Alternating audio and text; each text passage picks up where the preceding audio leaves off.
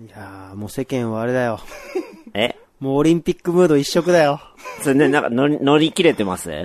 俺ね、スポーツ観戦大っ嫌いなんだよ。ああ、嬉しいなー俺、あれね、もう言ったらだよ。うん。あの、スポーツ観戦なんてものは、あれ戦争だと思ってるから。どういうこと？なんかみんなの、結局あれ古代の代理戦争みたいなのが、今も色濃く残ってるような気がしてて、はいはいはい。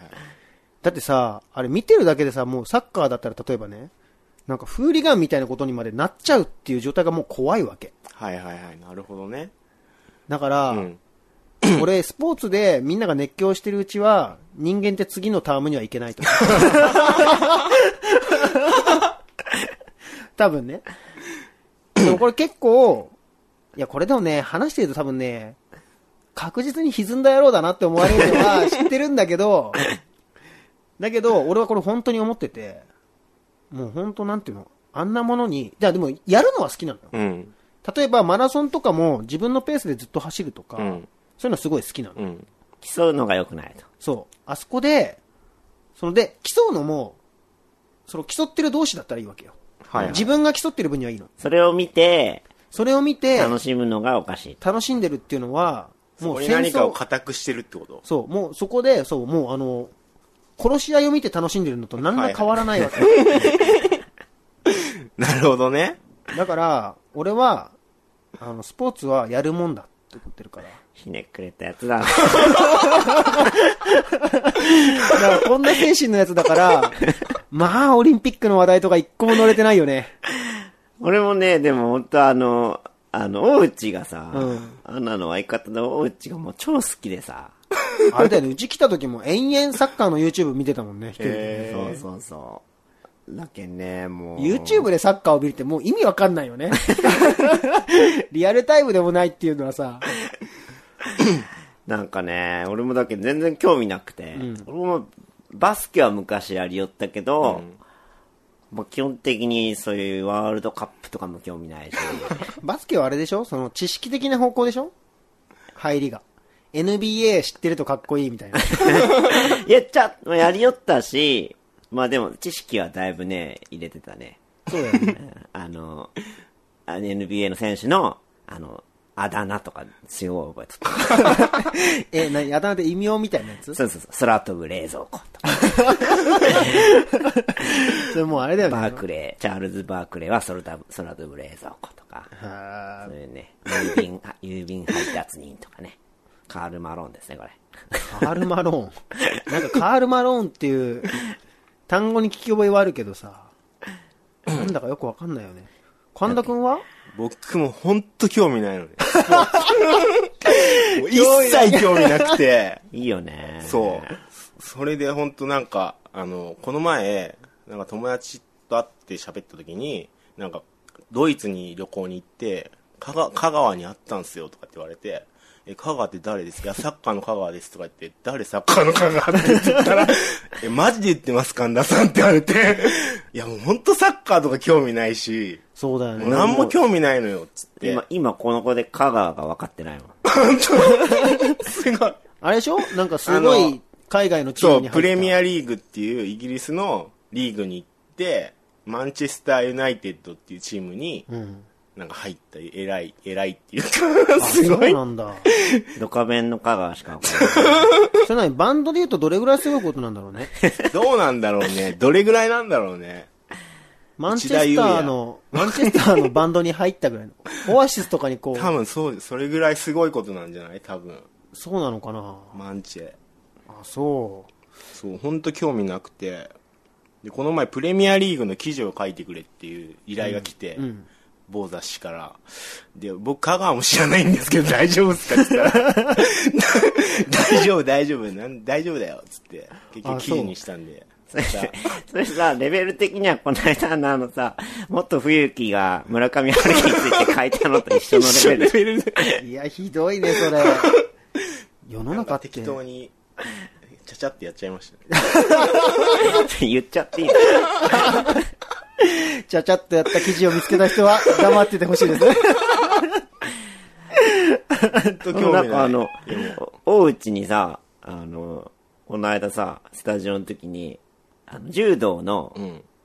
ほら、何キロ級ってあるやん。うんあれがさ、48とかさ、なんか、50、なんかさ、はいはいはい。1とか2とかなんかそういう中途半端な数字やけんさ、あれって、その、51キロ級、52キロ級、53キロ級って1キロずつに、すごい細かく分けてあるんやねって話をしたら、違うらしいよ。あ、そうなの？もうそれがよくわかんない。なんか、俺も全然わかんない。え、だから俺50、例えば、1キロの人は、51キロの人だけが集合して、うん。それ同じ体重でみんな戦いようと思ったじゃん。あ、そうなんだ。だから、いや、違うらしくて、違うの？なんかその、幅があんの？そう。だけど、それやったらさ、あの、5キロとか10キロずつぐらいで50キロ級とかさ、うん60キロ級とかでまとめてくれりゃさ、うん。なんかわかりやすいやん。でもさ、それ言ったらでも格闘技って本当のこと言ったら、うん。その体格差とかを超えるダイナミズムなんじゃないかっていう気持ちもあるわけ。なるほど、なるほど。だからその、例えば、9で分けんなよ。そうそうそう。だじゃないと、もう、ほら、ジャイアント馬場を、うん。なんかこうちっちゃい選手、舞の海みたいなこと、うんうん。なんかちっちゃいのが倒す、そのダイナミズムみたいなのが欲しいのに、はいはい。キロで分けてる意味もあんまり分かんない。全否定きたね。いや、でもね、変に平等性があるもんね。そうそうそうそう。そんなこと言ったらさ、すげえ息臭いやつとかがいたらどう、どうすんだろうなと思うわけ。キックサイ級とか分けないといけないんねもうだってさ、締めの時とかにさ、ガッて来られたらさ、ああ、もう無理ってなるかもしれない。でその細かいわけはどうなるんだっていう話もあるから、大衆別やろ。そう、最終別。大衆別。それで、脇が急。それで最後に入れられたやつの気持ち。それで金もらった時の嬉しくなさ。ダメすぎるよね。なんかでも、ああいうさ、な、あの、ね、なんだっけ、田村で金、谷でも金みたいなさ、うん。とかフレーズ？フレーズはすごい好きよね。ああいうのやつが反応するけどね。それさ、それもうさ、オリンピックじゃなくてさ、グラップラーバキとか読んだ方がいいよ。なんかないかな、今回なんかいないかなって。いや、それは探しはいっぱいいるけどね。そんなの。めっちゃ悔しいですとかあったよね。なんだ、水泳のね。め、めっちゃ気持ちいいじゃないですか。うろ覚えね。な I, んか、I was gay とかね。だからそれもだから全然、もうオリンピックじゃないやつだから。それさ、でもさ、バンドも欲しいよね。毎回ライブ終わった後とかにさ、その、感想みたいなのを、うん。なんていうの、こう、オーロラビジョンじゃないけど、あの、待ってる間の幕とかあんじゃん。うん。ああいうのに、バックステージでその場ですぐインタビューしてくれるっていうライブハウスがあったら流行るかもね。あ奥保さん、今のライブどうでしたか？今まで生きてきてって。一番嬉しかったです。前のライブより良かったです。ってのがあったら、なんか伝説の一言とか生まれるかもしれないね。こんなとこにビジネスチャンスがっていう 感じはあるけどね。今回はでもなんかね、その、そういった意味ではさ、なんかそのスポ、なんか結果以外のさ、なんかあの、ね、賄賂だ、判定だとかさ、ん。あれとかなんかね、なんかあれでしょ？その、面白いよね。ね、判定とかがいっぱいあったりしたんでしょ？ジュリー制度でしょ？ジュリー、ジュリー面白いよね。それもうジュリーっていう響きだけだから。ジュリー来たとそ思って。のジュリー制度の中身じゃないでしょ？大久保くんが面白いって思ってる。ジュリー、ん？って、ジュリー？寝返り打っちゃう感じの。ジュリー来たと。将来の夢ジュリーみたいなやつ出てくるよ。もう、あれでしょ片手に火の酒って感じ。絶対今柔道部とかでもさ、中学生部活動でさ、あ、お前ジュリーって。じゃあもうみんなオリンピックは全然楽しんでないと。楽しんでない。うんなんか正当なね、楽しみはしてない。見てないもん。なんかさ、あの、オリンピックがガッて来た途端にさ、ちょっと前まで問題になってたさ、あの、いじめとかがさ、全く聞かなくなっちゃうっていう、このダメさっていうのもあるよそうだね。なんか、これは怖いことだからね。みんな忘れずに。ねね。もう忘れずに行きたいよね。そうですよ。そうですよ。全然話変わるんだけどさ。グラップラーバキがさ、もうすぐ最終回って知ってた？知らない。そうなんだ。あ、読んでない読んだこと読んだことあ、みんな読んでないかな漫画もね、あんま僕興味ないですかいやね、グラップラーバキ読んでほしいんだよね。今、超熱い展開になってら。グて、ラップラーバキってあれ格闘のやつやね。格闘のやつ。シャーマンのやつでしょ。シシャーマンじゃないよ。肉体対肉体みたいので、んその、親父のん世界一強いってやつがいいんだけど、それもうせ世界一強すぎて、うん軍事力に匹敵する、一国の軍事力と、同じだけの強さが肉体には持ってるってやつが出てきて、そのお父さんに息子がどんどんどんどん鍛え上げて、勝負するって話なんだけど、ね？で、延々戦ってきたわけ。うん。もうビルとか潰すぐらい戦ってきたの、二人で最後。はいはい。クライマックスでね。したら今最後の最後で、うんあの、なんていうの、強すぎて、うん木が強いとさ、ほら、後ろにさ、鬼が見えるとかうん。言うじゃない、うん。ああいうのが行き過ぎて、うんそのいろんなものがもう具現化してきちゃうってことになってきたの。うん。そしたら、おお父さんが倒れたその主人公の息子に対して、味噌汁を作るって、もう謎のプレイが出てきちゃって、今までの格闘と全然違うことになっちゃって。で、これが奇跡のエア夜食って。っていう。もう意味が。ごめんね、これもう聞いてる人わけわかんない。えーぜひ一回これは読んでほしい。あのーギャグ的にも、もうほんとすごいから。ギャグ漫画じゃないんだけど、それがもう逆に行き過ぎてんだよね。アニメでもやりよったよね。やっつや多分。なんかララップの主題歌やってる。そうなんだ。あ、それあれでしょ？グラップラー、なんだっけ？ガキでしょ？ガキレンジャーでしょ？うん。そうそう。そうそうそうそういう、なんか、そういう感じじゃないと。なんかもうよくわかんないいや、なんかね、まあ、まあいろいろあるんだけど、あの漫画はね、壮大なんだけど、最近の展開だけでも読んでほしいね、みんな。え、何巻まで出てんの？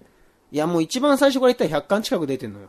え、そうなんだ。100巻近く親父と戦うために鍛え上げてるっていう、もうわけわかんない漫画なんだけど、へーすごいんだよ全然読んでない。え、今も連載中ってことじゃん？そう、来週が多分最終回。あ、そうなんだ。来週最終回で、来週こ最終今週味噌汁作そう、今週味噌汁作って、なんか息子に飲めって言って息子が塩辛いって、その空想の エア夜食で作った味噌汁を飲むっていう、もう今までの展開は何だったんだっていう展開になってて、面白いんです、すごい。なるほどね。すげえどうでもいい話になっちゃったね、これ。俺、これでもね、話したかったんだよ、これ。なんかないの？でも最近扱ったこととか。えー僕は、僕今これもうと、あのね、昨日これ収録してる前、12時間前ぐらいまであの、京都で京都で。ライブしてたんで、あ、メトロか。メトロで。深夜のイベント？深夜イベントで。あ、珍しいね。なんか最近あんまり、あっちの方は深夜イベントやんないとかって聞いたけどね。あ、でもだけんね、えっとね、3時半音止めやった。あ、そうなんだ。そうそうへで、だから、そう、中途半端な時間で。深夜イベントやけどだけ9時とかにスタートして、3時半音止めで。で、ライブ自体もまあ11時半ぐらいに時代あ、そうなんだ。であと、イルリメさんが夜中にやってみたいな。え。へえ。あ、本当。で、4時ぐらいに京都出て、さっき帰ってきてって。疲労の色が。色の色がね、色濃く。あのさ、ツアーで行くとさ、あの、地方って楽しめなくない？なんかね、結局。まあ時間的にもね。そうそうそう。でも楽しむやつは楽しむよね。夜とかどっかみんなでわーって行ったりしないの？いや、ウィークエンドは大体先に走るんだけど、まあひどいわけ。そうなんだ。まあひどいんだよ、もうほんと。あのーみんなね、酔っ払い方がひどくて、まあ、大家くんとかも、まあ、モニカさん、ウィークエンドの、もう、まあ、数々の伝説が、うん。ビートたけしのモノマネをしながら、うんパフュームを歌うとか、あとなんか突然だよ。今までの話と急に脈絡なく、横浜銀杯チャッチャッチャラッチャッチャって延々始めて、全員がわけわかんないっていう状態だったりとか、修学旅行乗りになるよね。そうだね。なんかやっぱこう、泊まりで行きたいよね。そう、でも泊まりに行ってもさ、結局その、なんていうの、例えばライブが1日だとすると、プラス2日ぐらいないと、その行き帰りの時間とか入れるとさ、なんだかんだで遊ぶ時間ってないよね。そうね。でもなんかやっぱね、うち、アナとかやっぱ、基本、大内も俺も、まあ、あんまりこう、酒、まあ、基本酒飲むけんさ、ライブ終わったら、うん。動かんねやけどさ、あの、今、その、ベースの空人くんとさ、今、ドラムの京子有田ちゃんっていう女の子はさ、もうなんかすっげえ、ドラムの子に関しては前乗りして、で、自分でこう、京都観光して、へえ。で、空人くんもライブ終わって深夜1時から、あの、なんか、こことこの店とこの店は行っときたいっつって、深夜の何の店？風俗？なんかラーメン、あの人食になんかうるさいけんさ。ああそういうとこは。ラーメン屋となんか、中華料理屋でなんか有名なとこがあるっつって、へー。1時から2軒はしごして、で、4時ぐらいに帰ってきて、京都楽しかった。あ あ、そう。だけどまあ、動く、なんかね、行動、なんか動きたいやつはなんかちゃんとそこまでしてやるんじゃない？なるほどね。もちろんもうライブしたらもう無理や。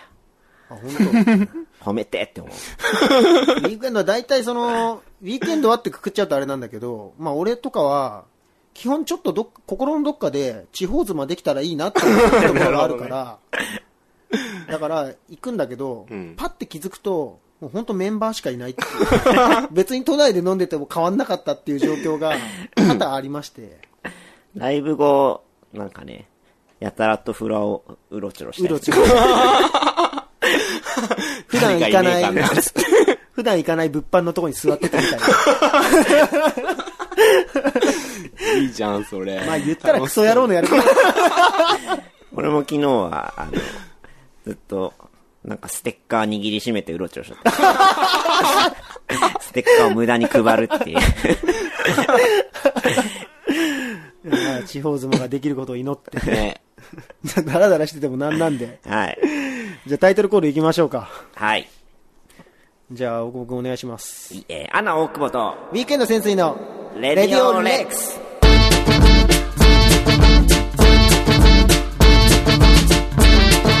はい、ということで始まりました。レディオレックス3回目。3回目ですよ、奇跡の。前回はね、あのー、ちょっと賑やかに、あの、女の子、来ましたねデ。ィレクターとか AD とか入れた結果、緊張してうちらがちょっと小さくなる。ね。また今回はちょっとね、小さくなり大きくなり。なんで、またこの男3人でやってますけども。結局この方がなんかいろいろ気にせず話せちゃうんじゃないかっていう気もしつつね。ね。また戻ってきてくれるのを祈ります。まあ、あの、8月ってことで、あのー今日いないですけど、パノラマファミリー、うん我らが、あのジェネレーションレックスの、パノラマファミリーが、あのーフリーで、ちょっと、時期的にタイミングのいい曲あ、それを、彼女がいないとかのフリーじゃなくてね。フリーじゃなくて、配信してたんで、あの、かけていいってことなんで、今日はちょっと珍しく。すごいいい曲だよね。うん。なんか最近のパノラマは結構メロディアスだったりとか、そうね。メロだったりするから、アーバンメローっていう。なんかあんまりそのラップじゃない、ラップは普段あまりっていう人も、すごい聴きやすい曲だと思うし、ぜひ、聴いてもらいたいなと。じゃあ今日は、パノラマの曲からはい。聞いてください。パノラマファミリーで To You。梅雨の晴れ間行かれた街はアジサイが光にじと交わ優しい声は人の群れはアジサイが光にじと交わ梅雨の晴れ間行かれた街はアジサイが光にじと交わ優しい声は人の群れはめじめ砂つまでモラトリアム卒業したからあの日の他乗りたい。たまに焦って朝に変わって変に強がったりしてさまだ回ってそれでもたまにスカート晴れ間見えたら一瞬でのなループするエムベース崎山クラシック頼んではもったいふざけてるとすぐ汗ばんわああ今夜また寝苦しいかも。先のこと考えなんてそりゃ嘘かも。また噂を大事なとこないしょ。国もメディアも大体はフィクション。金はないし車もないしあの曲みたいに花瓶もないし。続く前にわとわと髪柔らかくしてまた笑ってはは梅雨の晴れ間行かれた街は。アジサイが光にじと交わあら、僕もウィーケンド先生のレディオレックス本場に赤いお先生ママ豚ゴリラは黙っててよ MC モニカの自由形はい、というわけで、今回もやってまいりました。はい。MC モニカの自由形。着々にそうですね人気が出てきてますよ。これはまあそんな説明しなくてももういいか。うんあの、ウィークエンドのメンバーのモニカが最近あったことをフリースタイルのラップでお届けするっていうコーナーなんですけども、まあ彼はフリースタイルができないと。彼というかウィークエンドができないと。まあ、毎回ビートだけ渡してね、そうなんだよね。適当に送り返してもらうっていう。うん。前回はぶっ壊れちゃってたんだよね。第2回目にして、第2回目にして、なんか声を変えて自分でね、6人ぐらいのあの、プロポリスクルーっていう。登場してきましたけども。どうなってしまうのかなと思って今回ビート渡したんですけど、うん。あの、ちょっとこう流す前に一回言っときたいんですけど、うん僕は本当ただただシンプルにビートを渡したんですよ。うん。したらもうわけのわかんないサンプリングが入ったものが返ってきたってトラックいう。にまで手を入れてきた。そうなんですよね。なんかすごい不思議なものになっちゃったっていうね。なるほど。うん、まあでもいいことだと思う進化はしてるんだなっていう。はいはい。ただ夏で疲れてるんだろうな。ものになってるので、はい。じゃあちょっと一回聞いてもらいましょうか。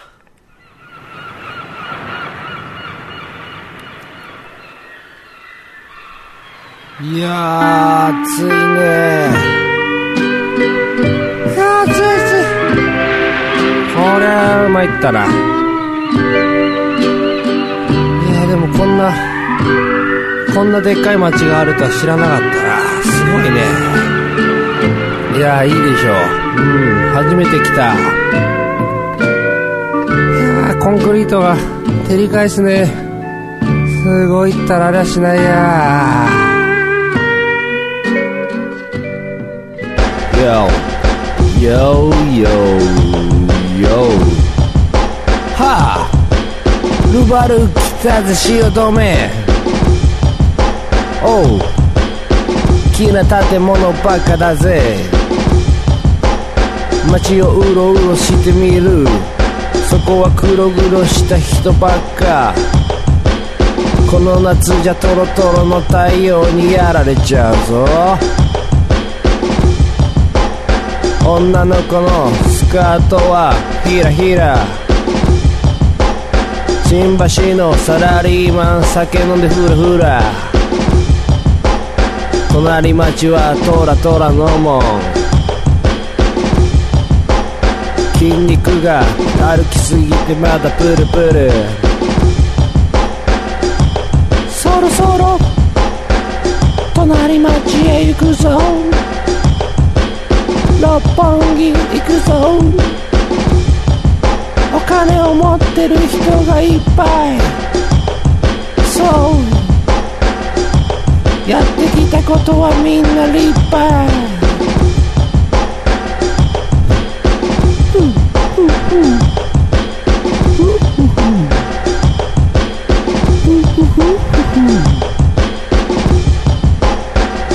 そのまま青山ブックセンターへ。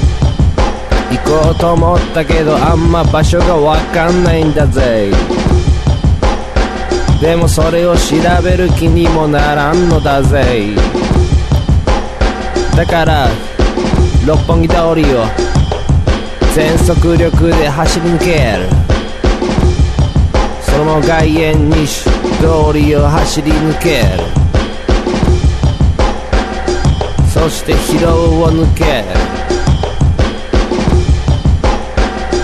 結局は目黒から五反田へ帰る。さっきまでのあの広さは何だったんだまあそれがこの街の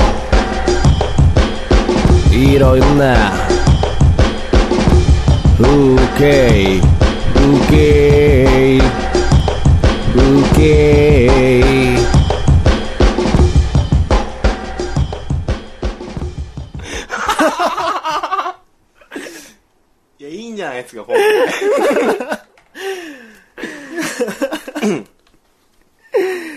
わけで2回、3回目でした。もうプロポリスクルーすら関係なくなっちゃうっていうこの、まあ、とりあえずは良かったね。プロポリスクルーは出てこんでね。そうだね。ただ、頭になんか、頭にものすごいサンプリングが入っちゃってるっていう。何なんだろラジオドラマみたいなの入ってます。う。なんか次回からもうビートすら渡さない方がいいのかもしれないね。本当に自由にやってこいっていうスタイルだったらなんか新しいものが生まれるかもしれないね。ちょっとその辺はじゃあちょっとモニカさんと相談しておきます。確実にでも、フリースタイルの技術は上がってってないよね。むしろ下がってっとる気がするけど。今回ね、なんかでもちょっと疲れ気味なんだよね。多分夏バテだったんじゃないかな。それはね、なんか漂ってた。気だるさがね。なんかあれかね、俺たちの方でテーマを設定してあげたらいいのかな。ああーこのもん、例えばさ、さっきの話ないけど、オリンピックを切るとかさ、あ。それいいかもね。なんかそういうね、テーマを毎回設けて、次は、ほら、もうね、オリンピック終わっとうけんさ。そうだね、9月だから、オリンピック総括の、あれでしょうか。オリンピックにする？あの人もでもスポーツ全く見ないよ。さっき言っちゃないその、その視点からの。オリンピック。スポーツっていうテーマにしてみる？スポーツについて何か言えっていう。まず、でも、全然いいよ。まあ、オリンピックもしくはスポーツっていうテーマにしとこうか、それそうだね。じゃあ、でちょっと実験的にやってみようか。うん。じゃあ一回ちょっと打診はしてみるわ。打診してみて、俺スポーツでいけるよってなったら、じゃあスポーツって言っとくけど。オッケーオッケ結構センシティブな男だからさ。雑でセンシティブってやつだから。じゃあ、そんなわけで、ー。はい。モニカのフリースタイルでした。アナ大久保と、ウィーケンド潜水の、わレディオレッあ、大久保くんは、ワイルドだね。ツライター神田の、いい質問ですね。この言い方シリーズさ、だんだんさ、3回目にしてちょっとネタ切れ感出てきちゃうっていうパターンだよね。というわけで、まあ今回は、あのーこのテコーナーは毎回テーマに沿ったスペシャリストをお迎えして、えっ、と、僕ら二人がよく分かってないことについて聞いていくんですけども、3回目も、あのー引き続き神田くんに、はい。そう、まだみんな神田くんのこと、まあ僕らのことも知らない人多いでしょうけど、あのーライターという職業柄ね、わからないことも多いので、あの、聞いていこうかなと思ってるんですけども、今回のテーマはトラベル。旅行です。そうです。旅行がテーマです。はい。まあ、前回もね、若干、台湾とか、そうそうそうはい触れましたけども。もうね、最近本当に、神田くんがアジアに、特に台湾に行きまくってるんだよね。もそうう、なんですよ。彼女でもいるんじゃないかと。いやね、なんかいいことでもね。なんかいいことでもあるんじゃないかと。いやー。思いましたねなんかどれぐらいのペースで、いつ頃最初に行って、どんな感じだったの？最初は、去年の年末12月に行って、うんえー、それは一人で行って、うん。でね、台湾にしようと思ったのは、うん特に理由なくて、あそもそも他にアジア、東南アジアとか結構行ってて、台湾だけ行ってないなと思って、うんで、なんか台湾そんなにピンとこなかったの、最初。うん。で、いでもとりあえずなんか、地図を塗りつぶす感じで、うん行ってないから、じゃあとりあえず行っとこうか、みたいな感じで行ったら、これが、これが、これが、これが素晴らしい彼女ドンが。ピシャで。へーで、そ、まあ、12月に行って、で、3月に行って、で、6月に行って、あ、もうすごいね。3ヶ月に1回ペースだ、。ペースで行ってんだよね、今。さっきちょっと話したら、またなんか、今月かなんかに行ってこそう、ようかな今月行きたいなってと思ってて。マジで。うん。すごいよ、ね。開けばね。それ毎回1週間ぐらいって。毎回ね、その一番安いチケットが、あの、チケットが5日まで入れる。5日間、い5泊のチケットなのね。でそれで行くと、まあ、最大5泊までできるから、まあ、大体5泊ぐらい、1週間弱ぐらいで、まあ、帰ってくるって感じで。ちなみにその、じゃあそれでいくらなんですか？それは、その12月に一番最初に行った時は、あの、チケット5000円で、レッサーチャージが1万2000円ぐらいなのね。で、空港で2000円ぐらいだから、全部で含めて往復で1万9000円ぐらいで、交通費は。うん、行けんの。めちゃくちゃ安いのよ。だから僕、実家大阪なんだけど、大阪往復するよりも、全然安く行けちゃうんだよね。いや、本当近いし、もうお金もかかんないし、で、向こうは結構、物価安いから、うんうん。現地の食費とか宿泊費とかそんなかかんないのね。あ、そうなんだ。だから本当に、もう最高です。あー住みたいっていうもんね。住みたいよね、本当に。あ許せば。ーなるほどね。うんそんな魅力的な台湾およびアジア。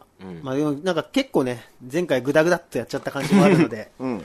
今回なんか大きく3つに分けていろいろ聞いていこうと。そうだね。はい。で、まあじゃあ1つ目はまあサブカルチャー。サブカルチャーね。うんいい質問俺らっですね。て言えばね。俺らといえば、初の、その忘れないように言ったか。やっと言えたね。やっと言えたね。これやたらと言い出すんやろ。じゃあ一つ目のテーマ、大久保くんテーマコール。お一つ目、何ですか？あ、もう全然段取り、段取り終えてねえって。台湾のサブカルチャーについて教えて というわけで熱いという話題のはい熱いんすよね。サブカルについてね。サブカル。ほんとね、あの、どっからハマり出すの？なの？サブカルっていうの。台湾の人ってこと、台湾の人は、いや、大体でもね、なんて言うんだろう。すごい抽象的な言い方すると、あの、アジアとか東南アジアの国には、あの、下北とか高円寺がないんだけど、ん台湾にはあるって感じ。うん。それはなんかその台湾の中でも、うんこの街っていうのがあるってこと？そう、あるし、そういう文化がちゃんとあるっていうか、そういうなんか、ライブハウスだったり、うん演劇だったりそうとか。そうそうそうそう。あそうえ、じゃあ他の国にはその、そういう、サブカルチャーっていうものがあんまりない。そう、サブカル自体があんまないね。あそうなんだ。そう、中国だとか本当ないし、そういうお店自体も少ないし、ってかほとんどないし、その、なんて言うんだろう、本当地下に潜ってる感じだね。本当にわかんない。パッと見では。は。香港でもだいぶ少ないけど、台湾は本当多かったね。そこでまずびっくりしたって感じ。なんか、あの、事前にね、んあの、神田くんといろいろ、あの、打ち合わせをして、そう。で、あの、3つぐらいね、あの、向こうのおすすめのバンドっていうのを、あの、教えてもらったんですけど、まず、あれですね、フグコ。フグコ。川豚に 子供の子って書いて、フグコっていう。フグコっていうね。川豚子って言いました、川豚子。ね。最初二人でイルカとか言いながら、これイルカって読むんだっけ？なんつって。でもあれ、フグコでいいんでしょ読みフグ方は。コでいいと思う、多分。そうだよね、うん多分。そあと、まあ、ね、透明雑誌と、透明雑誌うん何でしたっけ、あとはあ。となんだったっけ？あと、在、なんて読むのかわかんない。ああ、えっとね。在日空中みたいな。そうそう在そんな感じの在こういうのは、え、基本的にはその、みんな漢字なんですか？みんな漢字、いや、漢字もアルファベット、日本と一緒のみたいな感じで、え、その、透明雑誌は、向こうでは、その、一番メインな呼び方は何なんですか？透明みんな呼び方は漢字の透明雑誌。って呼ぶ。うん。うーん。なんとなくでもこの、ね、漢字のバンド名からサウンドが想像できるよね。多分その空中なんとかは、うんフィッシュマンズっぽいんだろうなと思って。で透明雑誌は俺、いや、でも俺、フグコって聞いて全然想像できなかったけどだ。からそこだけが、俺完全に、これ電気グルーヴみたいなやつ。甘ひさタッチな匂いがする。全然違かったけどね。ね、なんかね、でもどれもね、魅力的で、うんあの、一個思ったのが、その、日本だとさ、もうさ、うんこのバンドに対してどう出るみたいなのがすごいあったりとか、うんうんもうバンド側も構えてるじゃん。うん。その、対何みたいな、うん。うん。こういうシーンがあって、うんこうだから、俺たちはここ行くよっていう感じだからさ、うん日本って結構ストレートなことやってるようで、はいはい。一個フィルター通っちゃってるような気がするのね。それですごいわかる。なんかね、正直その3つ聞聞かせてもらって、まあ、透明マガジンはなんかもうだいぶ知っとうし、なんかやっぱ、やっぱデビューしただけあって、別格でずば抜けてんなとは思うんですけど、他のもね、そっか、この YouTube とかで見て、隣に出てきたやつとかも見たけど、正直なんかその、あ、かっけーとか、グッとくるってとこまではまだいかんけど、なんかすごいピュアというかさ、そうそうそうそう。なんか、あ、こんなストレートにこう、やるんだって今やってんだっていうとか、これに、その現地の人が反応してんだっていうような感覚がすごいあったな。なんかその、世界で見るとまだまだ、例えばちょっとモグワイっぽいのがさ、あの、これから流行るんだろうなって地域があったりとかするんだろうなっていう気がするから、なんか新鮮で面白い感じはするよね。なんか。だから本当にアナとかあれじゃない？台湾行ってみたらいいんじゃない？そうだよ。台湾を拠点にさ、拠点にするんだ。福岡からだったらほら、東京も台湾もそんなに距離変わらない。まあね、その値段なら、そうだよねそうだしね。ケツの穴っていう感じの名前に。あんな。そんなバンド売れねえよ。世界のどこ行ったって。なるほどね。そうそう、この、その3つも、その、えっ、とね、台湾のその下北みたいな街があって、そこにインディーレコードショップがあって、そこの店員さんにいろいろ教えてもらって日本語を話せる。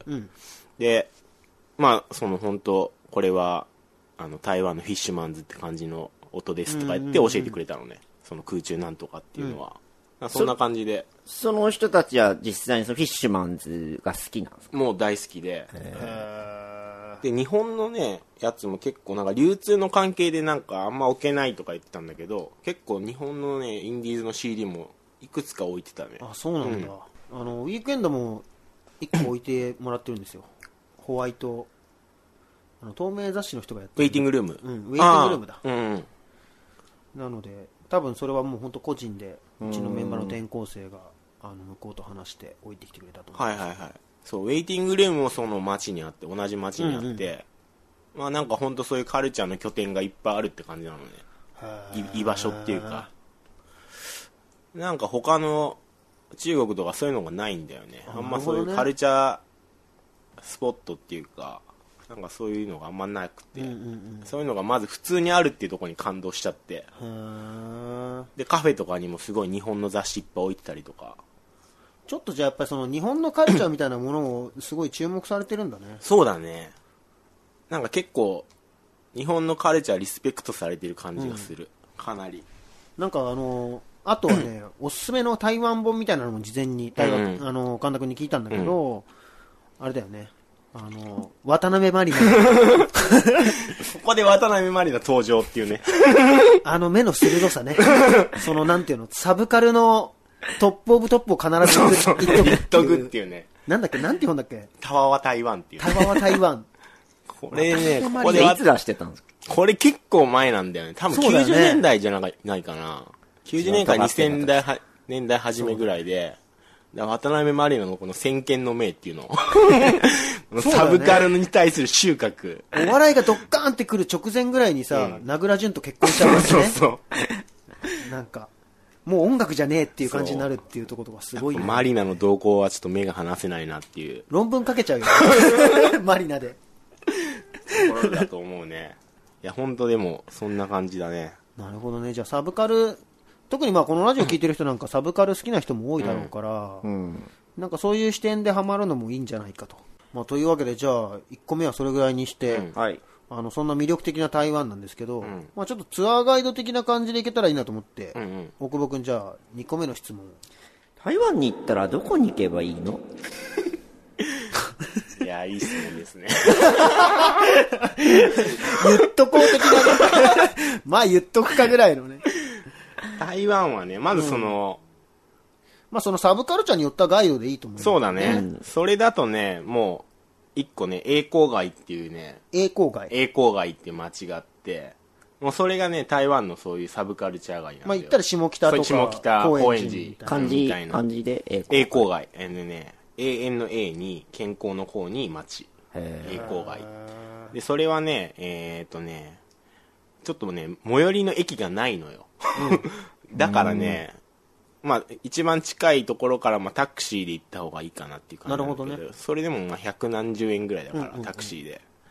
でその街があって、まあ、そこにはね本当ライブハウスとか、んおしゃれなカフェとかレコードショップとか、そのまあインディー系のなんか古着とか、なんかそのいっぱいあってまあそこ見てるだけで結構飽きない。で一応そこに大学があって、うん。あの台湾師範大学っていう大学があって大学生街みたいな感じになってるのね。ああなるほどね、だから、まあ、学生とかもいっぱいいて、うん。みんなバンドをやってるっていう感じの人たちもいっぱいいて。その、ウェイティングルームもうそこにある？神田君が一番最初に行った時は、その栄光街に行って、うん。まあ、その栄光街の中でも、うん。どこに行ったら面白かったの？栄光街のね僕はね最初に行ったのがそのレコードショップなのよ、うん。でそこでいろいろ向こうの現地の音楽の話とか聞いて店員さんに話しかけそう店員店員さんが話しかけてきてくれて日本あそうなんだ。日本語が喋れる店員さんでいや僕は日本人ってのが分かって、で話しかけてきてくれて、うん。で日本語でわーって話してでいろいろ聞いてたのねで僕が泊まった宿がたまたまなんか向こうで音楽やってる、音楽のなんかそのセッティングとかブッキングとかやってる日本人の男性の人がなんか事務所を間借りしてる宿で、ん。でその人になんかいろいろ教えてもらったりとかやったりしつつだから結構そこが中心街に中心街になっているっていうかカルチャーの。あそこを結構いろいろ回るだけでもん。いいと思うしでそこにはねベタだけど小籠包のディンタイフォンっていう。リンタイフォン。ディンタイフォンっていう小籠包のすごい有名な店もあるから、まあどっちも取れるみたいああなるほどね、な、うん、飯も楽しめる。飯も楽しめる。やっぱ海外って何が楽しいってご飯楽しいご飯もんね。ね台湾超うまいからね飯。あーそうだよね。なんかいいな。行きましょうよね。ぁね。でも俺と大久保君とか行ったらなんかずっとホテルで UNO とかいうパターンあったんだよ なんか疲れちゃったね。とかもういっかみたいな。そう結構旅行って行くんだけどさ、旅に行ったとしてもさその神田君みたいな今みたいなそのどこ行ったらいいとかっていうのがさ、うんうん。その楽しみ方を知らない人も多いと思うのね、うんうん。まあ俺なんかそうなんだけど、うん。だ結構じゃあ日本人っていうのが分かるともうオープンマインドで話しかけてくれたりとかってこともあるよってことなあるある。もう全然あるよ。るうん特に海外ではねそういう経験がやっぱ多いね。あ本当、うん中国とかでもアジアとかだったら結構みんな話しかけてくれたりして。あんまりじゃあ言葉のことは心配しなくて。うん全然大丈夫。片言の英語とかでも話せるし向こうも片言だから片言同士で仲良くなれるっていう。あなるほどね、うん。片言の英語なんかねでも英語喋ってる時ってさワンテンション上がるじゃん。わかる。あの自分が嫌いなんだよ あなんか急にあのあなんか、あ、おいえ、みたいな。なんか、なんていうの、おいえって気持ちになったことないんだけど、そう相づち打ってる自分とかが、ちょっと嫌な気持ちになる時はあるんだけど。はいはいはいでもそういうこと言ってると英語喋れなくなっちゃうんだよね。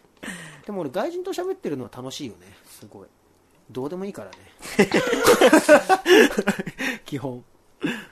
内容がね内容がね。うんそうそう。なるほどね。なんかでもそんな、サブカルが盛り上がってる国に行って、しかもなんかこう、日本の文化について興味を持ってくれてるってすごいレアだから面白いかもうね。んなんかね本当に台湾はねその異国っていういい意味で異国って感じがあんましないっていうかなんかここにまたサブカルの拠点が一個また発見したみたいな日本でも飽和されてたと思ってたけど、うんうん。えまだここにもあったじゃんみたいな。なるほど。うん。なんかあれだよね。なんていうの？地方から東京に来た時の気持ちみたいな。ああかもね。で今東京にいるからさ、うん。だからもう下北も行き飽きちゃったし、高円寺ももう住んでるみたいな、そういう感じになっちゃったら、じじゃあ海外っていうよりね、ん。じゃあ新しい街にちょっと行くっていそう感覚で行けるのかもね。うん。台湾ぐらい。治安はどうなの？治安ほんいいよめちゃくちゃ。あ、そう、うん。怖い目にもあったことない？全然ない。いいな台湾の人っていうあの結構夜遅いから、夜遅くでも結構みんな賑やかに遊んでる感じで、夜市とかも 結構1時2時までやってるから。夜は賑やかだから全然あんまなくないし。うん。というわけで、じゃあ3つ目。はい。えーっと、大久保君大丈夫ですか？はい。じゃあ、台湾以外の中国の国はどこですか？ということで、ああいい質問ですね。もう今日はそれだけは忘れないようにしよう的な。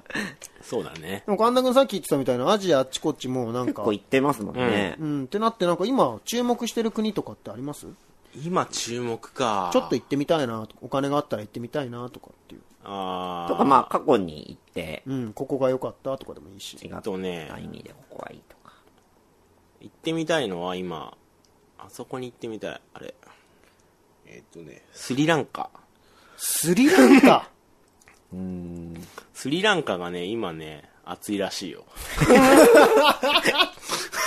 本当？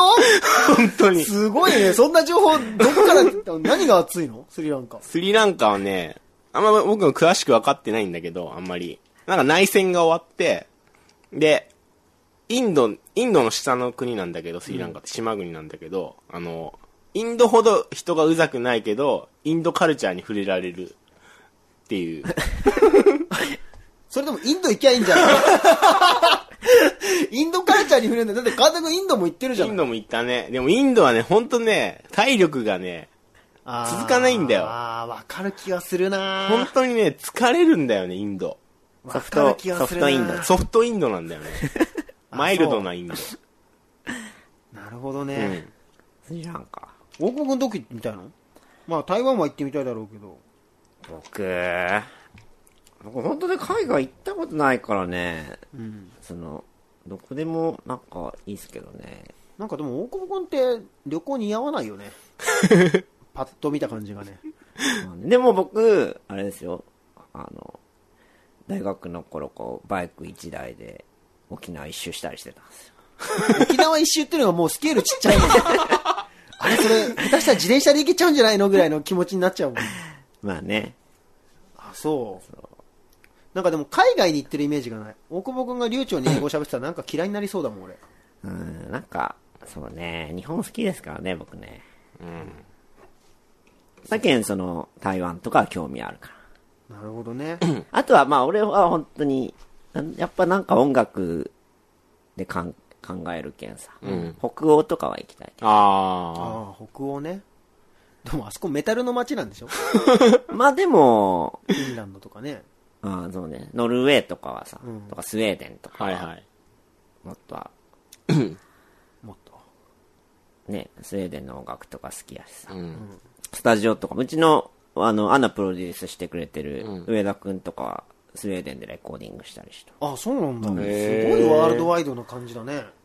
とか、やっぱあの、スウェーデンのアーティストのサポートとか、うん一昨年ぐらいやったけど、やっぱなんかほら、あの、スウェそのスウェーデンのアーティストが日本でライブやるときとかに、そのそんな有名なアーティストじゃないんやけど、ちゃんと大使館の人がライブ見に来たり。わざわざこう前日にライブハウスに電話して、うんうん明日うちの国のアーティストがお世話になるんでっていう。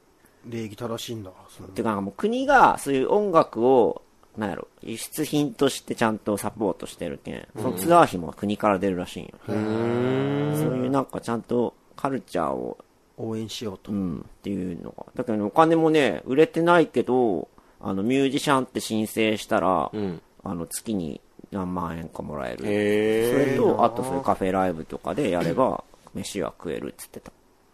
行こうよ。行こうよ、フィンランでもなんかそういう街でやるにいるとやっぱそういうね、カルチャーも栄えるんだろうなっていう気は、ねまあそうだよねするけどね。え。へえ、そうなんだ。ド。うん、結構海外とかライブやると面白い。僕一回韓国でライブやったことあるんですけど、二2回か。うん。あのー行ったんですけど、んまあ反応が全然違うからね、やっぱり。あ、そうなんだ。なんか若干その、曲の捉え方がもしかしたら少し違うのかもしれないけど、なんかあのーフィッシュマンズのツアーみたいので行ったんですけど、うんみんなね、ナイトクルージングとかもね、合唱するんだよね。あ、そうなんだ。へえ。結構日本だとしんみり聞いたりするもんだと思ったら、しんみりじゃないけどさ、構静かに聴くって感じかなと思ったんだけど、結構最後合唱とかしててあこんな感じなんだとか思ったりしてその反応の違いはすごい面白かったね言葉がストレートに入って本文、そうだね。メロなんかメロディーだけのあれなんか捉え方なのかもね。うん、あとなんかやっぱり血が熱い血なのかもしれないね、そういうちょっとこう騒ぎたいぜみたいな、うん。もうそんなわけで今日はね初の、あのー投稿が来てますので、うん。おメちょールが。っと何個か。メールを。はい何通か来てたのでありがとうございます。ちょっとチョイスして読ませていただきます。まずはじゃあ愛知県の方ですね、えー大久保さん潜水さん神田さんこんばんは。いつも楽しく聞いています。函館田辺の CM が気になって仕方がないエツマルと申します。レアですね。旅の思い出ということなんですがインドはバラなしガンジス川のほとりに行った時の思い出です。船に乗ってガンジス川をな、えー渡っていった時のこと。川を流れる桃ではなく可愛らしいお尻が目に入ったです。えーうん、それはなんと赤ちゃんのご遺体でした。そういう話は聞いていたものの、かなりショッキングでしたが、ガンジス川ならではの貴重な体験となりました。非日常体験、未知との遭遇、旅の醍醐味ですね。魅惑のインド、ご飯は基本カレーかカレー味のインド、また行きたい。えーおーインドそうなんですか、インドはね、そうっすね。インドは本当に大変っすよ。えー僕もガンジス川に入って、病気になって、それで1ヶ月入院して、すごいね俺だって神田くんに出会って結構すぐそれやったもん。ああの人病気になったんだ。でもさ、あれだよね。まあ、向こうだと普通なのかもしれないけどさ、日本人として行ってさ、向こうからさ、赤ちゃんの遺体流れてきたらさ、んすげえダークな気持ちにはなるよね。でもそうだ結構ね。天気とかもあって、そんな気持ちにもなんないのかな。結構淡々と過ぎていくみたいな感じ？なんかね、結構日常になっちゃうね。もう、俺もそんな、見、見まくったけど、何もあんま感じなかったよ。あ、本当？生きるってなんだろうみたいな、全然思わなかったけどね。あ、本当？だから病気になったのかもしれないけど。バチ当たったのかなっていう。じゃあ、エツマルさん、ステッカー送っときます。はい。ありがとうございます。ありがとうございます。じゃあ、えーと、次はね、福岡県の松尾さん。はい。えーと、私の旅の思い出です。高校の部活の大会で沖縄に行った時のことです。空き時間のお昼に観光していたのですが、顧問の先生が道を間違えてしまったようで、どんどん怪しい建物が並ぶ通りに入ってしまいました。先生はたまにお茶目な人で慌てていた様子が面白かったです。勧誘をしていたのか、外に出ていたおじさんに社会勉強しに来たの？と笑顔で言われたことが忘れられません。もう面白くて笑いながらみんなで走りました。先生のおかげで良い思い出ができましたと。これだから、エロい街に入っちゃったってことですよね。うん。まあ先生狙ってたのかもしれないけど、その女学生と一緒にエロい街を行くっていうプレーなのかプレイかも。で学生の反応を見る。反応を見るっていう、すごいダメなやつのプレーなのかもしれないね。でもなんか、こんなことあった気がするね、修学旅行とか。修学旅行ね。どこだったの？福岡の時は。僕は、中学は、あ、でも沖縄、この人と一緒ですね。沖縄。あ、そう？うん。で、高校は？高校は、えー、軽井沢。あ、そうなんだ。軽井沢ってでも微妙だよね。なんか福岡に住んでてその年頃だったらさ、東京行けよストレートにっていう気持ちにはなるよね。なんかね、あのーあれなんですよ。修学旅行っていうかね、学校がキリスト教の学校で、なんかその、教会、なんか、なんかこう、仲のいい教会に泊まって、ちょっとこう、礼拝とかするっていう。多分、普通の学校の修学旅行とちょっと違うんですよね。あだ。から現地の美味しいものとか食うんじゃなくて、ん。なんかその、そこの何？牧師さんが修行の時に食べる、なんか、すごい貧相なものを3日間ぐらい食わされたり、へえ。なんか、なんだっけ、なんたらバターみたいなのとか。バターとか多分食わないから。あ、そうなんだ。あとなんかあの、なんか、元、ヤクザで、刑務所入ってた、で、出てきて、あの、牧師さんになった人のん話を聞かせる。そんな塀の中のみたいな。釣りもやりました。人も殺しかけました。みたいな人の話を聞かされてえすごいレア体験してるじゃん。そうそう。まあそんなわけで福岡県の松尾さん、ありがとうございました。またよろしくお願いします。ステッカーをお送りしておきます。ー、ありがとうございます。じゃあそんなわけで、ライター神田のいい質問ですねでした。つうわけで、えっとね、今回はじゃあウィークエンドの昔の曲をかけましょうかね。はい。はい。えっと、ウィークエンドの The End っていうちょっと前に出したアルバムがあるんですけど、ちょっと前っていうかね、かなり前か。2年前ぐらいに出したアルバムから、えっと、ブルーマネーって曲です。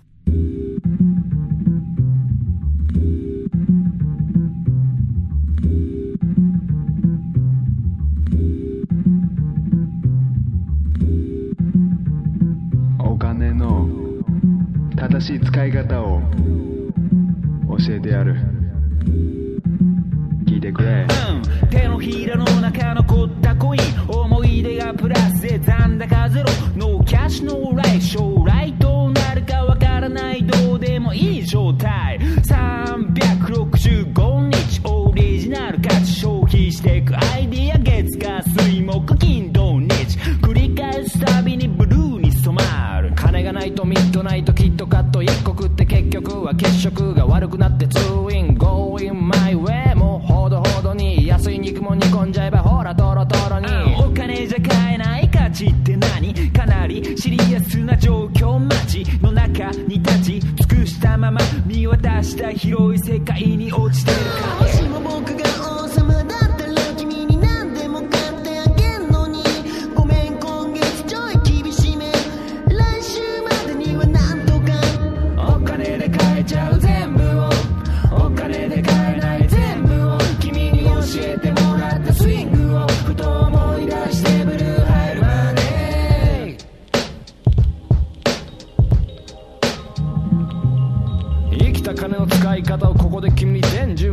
まずは横を満たす分と増やす分に分ける満たす分で得たもので行動に移る増やす分を減らす際は帰りを確かめる。労をねぎらう際はできる限り豪華に量をされてもいらないなら高価に身の丈に合わない服は着ない。吉武を見習いカントリースタイル。ヘッドフォン越し聞こえる大巨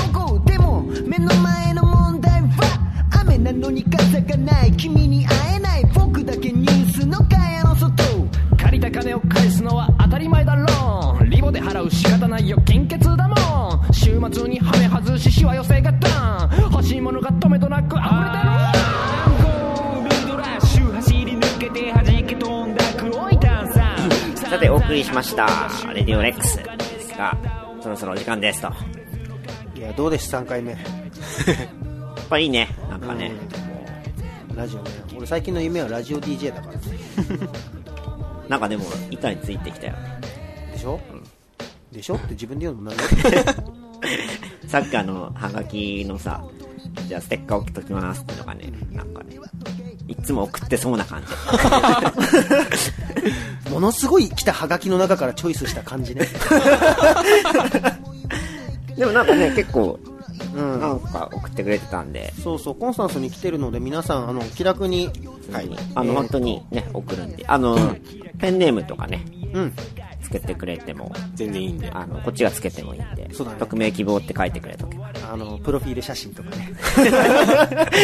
急に嫌な感じになっちゃうけどね。あの、おはがきの方は、mannerhyth アットマーク、ホットメールドットコム、ドットコムですよ。まで、あの、送っていただけたら、あの、マンネごリズム対応します。、マンネリズム、アットマーク。アットマーク、ホットメールですね。なのでそこまで送ってください。あの、本当にどんな、普通の感想とか、これについて話してほしいとかでも全然いいので、気軽に送ってください。なんか告知の方はありますか？はい、じゃあ僕、アナから。えー、アナはですね、8月は、一番最後の31日に、アナの主催の企画、パトロールを久々にやります。会場が渋谷 O-Crest で、これはまあ、アナがメインで、えー新曲もたくさん、ここでやりますんで、あ、本当？ぜひ来てください。あと一応、出演者としては、 Holidays of Seventeen っていう、なんか福岡の時からね、すごいちょっと気になってたバンドで、もう今東京に移ってきてるんですけど、最近やっとなんか知り合いになって、うん。やっと対バンっていう形であとは自分のレーベルのセカンドロイヤルの、えーターンテーブルフィルムズも出ますんで、来てください。で翌9月1日には、そのモニカが所属してるビデオの企画に、えー出ますんで、これはシティハンターっていう企画で、ボリュームもうさ、パトロールとかシティハンターってさ、好きやね。シティハンターボリューム1かなこれ。うん第1回目の企画で、えー、これは9月1日下北3ですね。で、やるんで、えー、まあ、どちらでも、両方でも来てください。はい、以上です、アナは。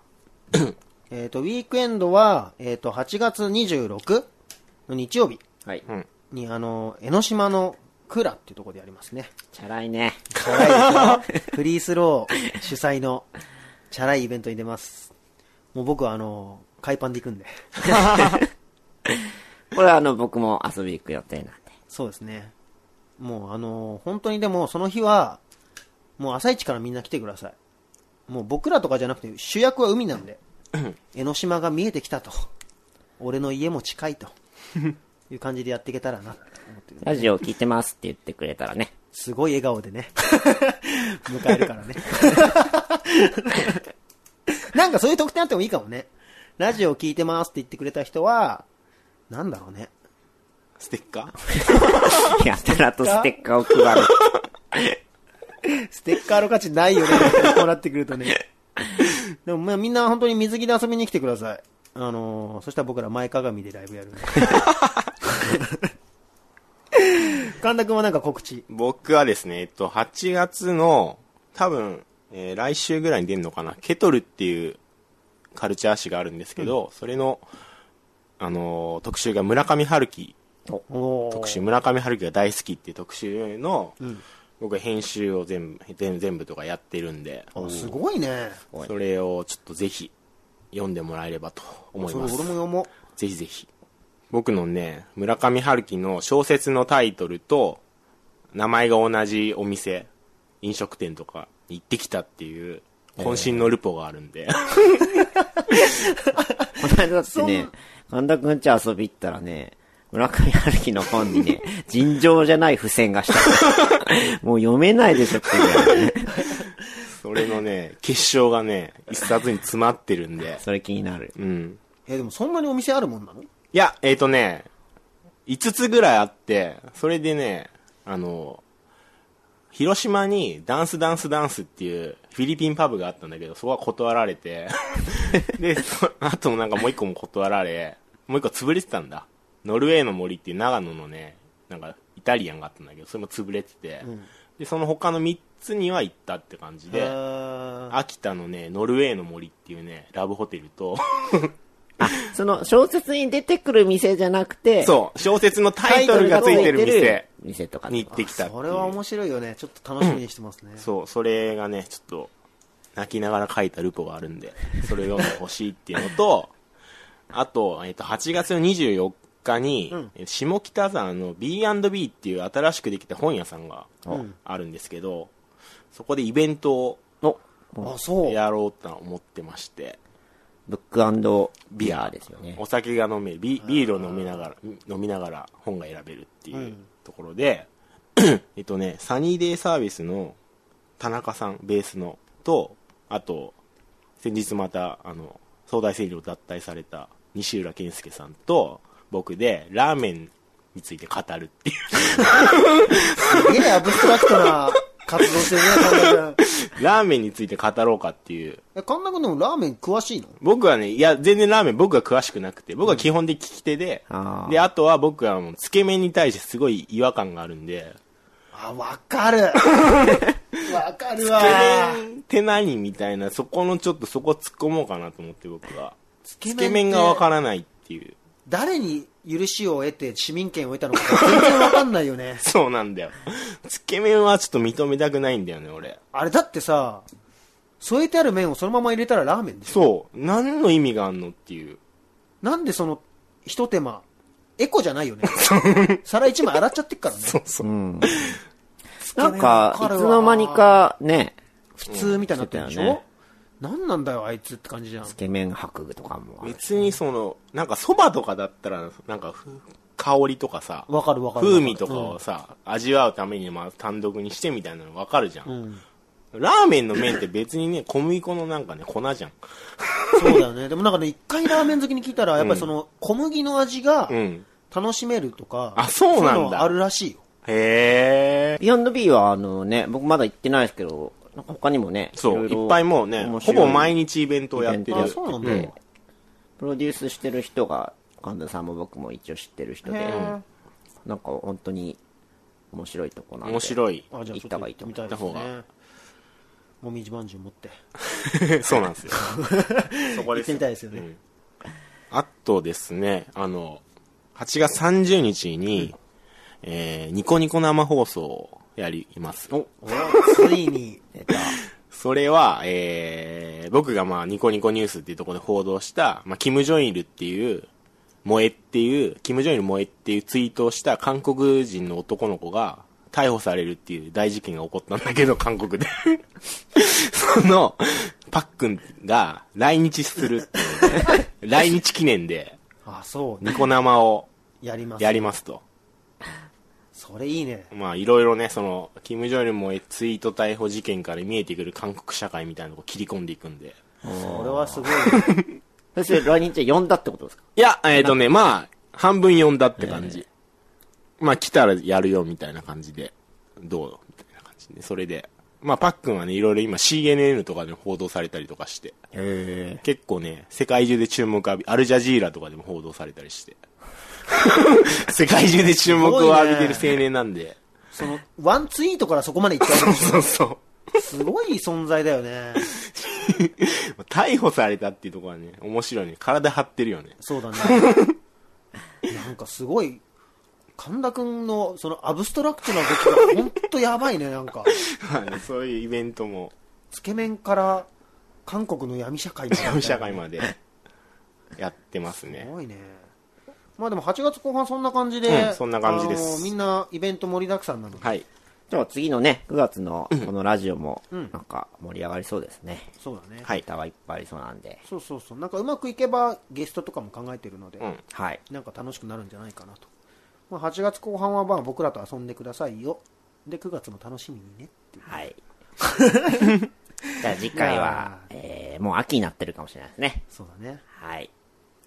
それまでは飽きないようにね。お疲れっくす。